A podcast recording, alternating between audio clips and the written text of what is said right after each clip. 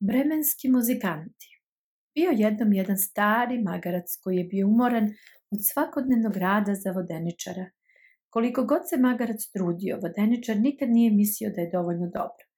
Tako da je magarac pobegao.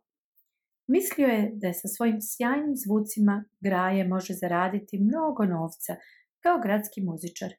Spakovo je stvari i krenuo u Bremen. Na putu je magarac sreo starog psa. Pas je rekao magarcu da mora da beži od svog starog vlasnika. Vlasnik je odlučio da psa smesti u azil jer je bio prestar, da se više ne brine o njemu. Pođi sa mnom u Bremen, rekao je magarac psu. Moći ćeš da laješ na zvezde sa neba. Sa mojim lepim lajanjem tamo ćeš dobro zaraditi. Osim toga, zabavnije je ići u avanture u dvoje. Pas je odlučio da ode sa magarcem u Bremen da stvara muziku. Nedugo zatim magarac i pas najđoše na staru mačku. Mačka više nije bila srećna u kući svog starog vlasnika. On samo želi da shvata miševe, reče mačka, ali nisam baš bila uspešna u poslednje vreme. Sve sam starija, iz dana u dan.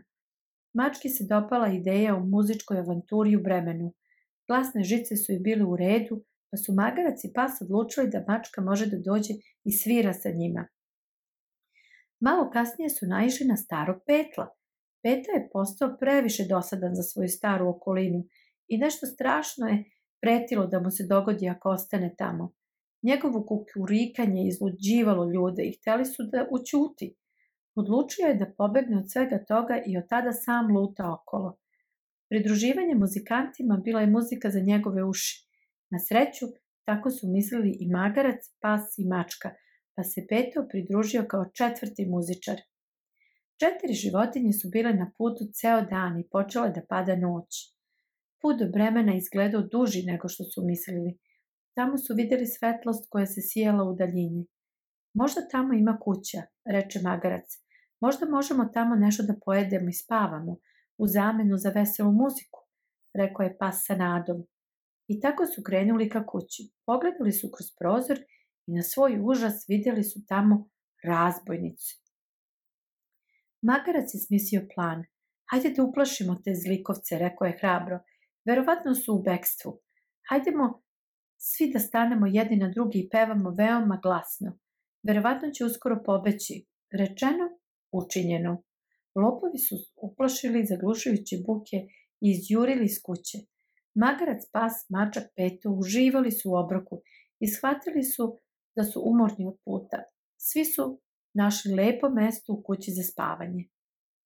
Razbojnici su razmišljali šta im se dogodilo. Videli su u daljini da je svetlo u vikendici ugašeno. Vođa razbojnika odlučio da pogleda. Kada je ušao u kuću, pogledao je mačku pravu u oči. Trebalo bi da znate da oči mačke svetle u mraku. Mačka je skočila i ogrebala razbojnika po licu. Mačka nije znala šta je uradila i pobegla je. Na putu do vrata pas ga je ugrizao za cevanicu, a magarac ga je šutnuo. U bašti se Peto tako zakukurikao da je razbojnik pobegao. Vođa je rekao pljačkašima da je kuća ukleta i nikada se tamo više nisu vratili. Bremenski muzikanti su zaista uživali u životu u kući i odlučili da više ne moraju da putuju u Bremen. Svidelo im se ovde i odlučili su da ostanu i tu su živeli još mnogo srećnih godina.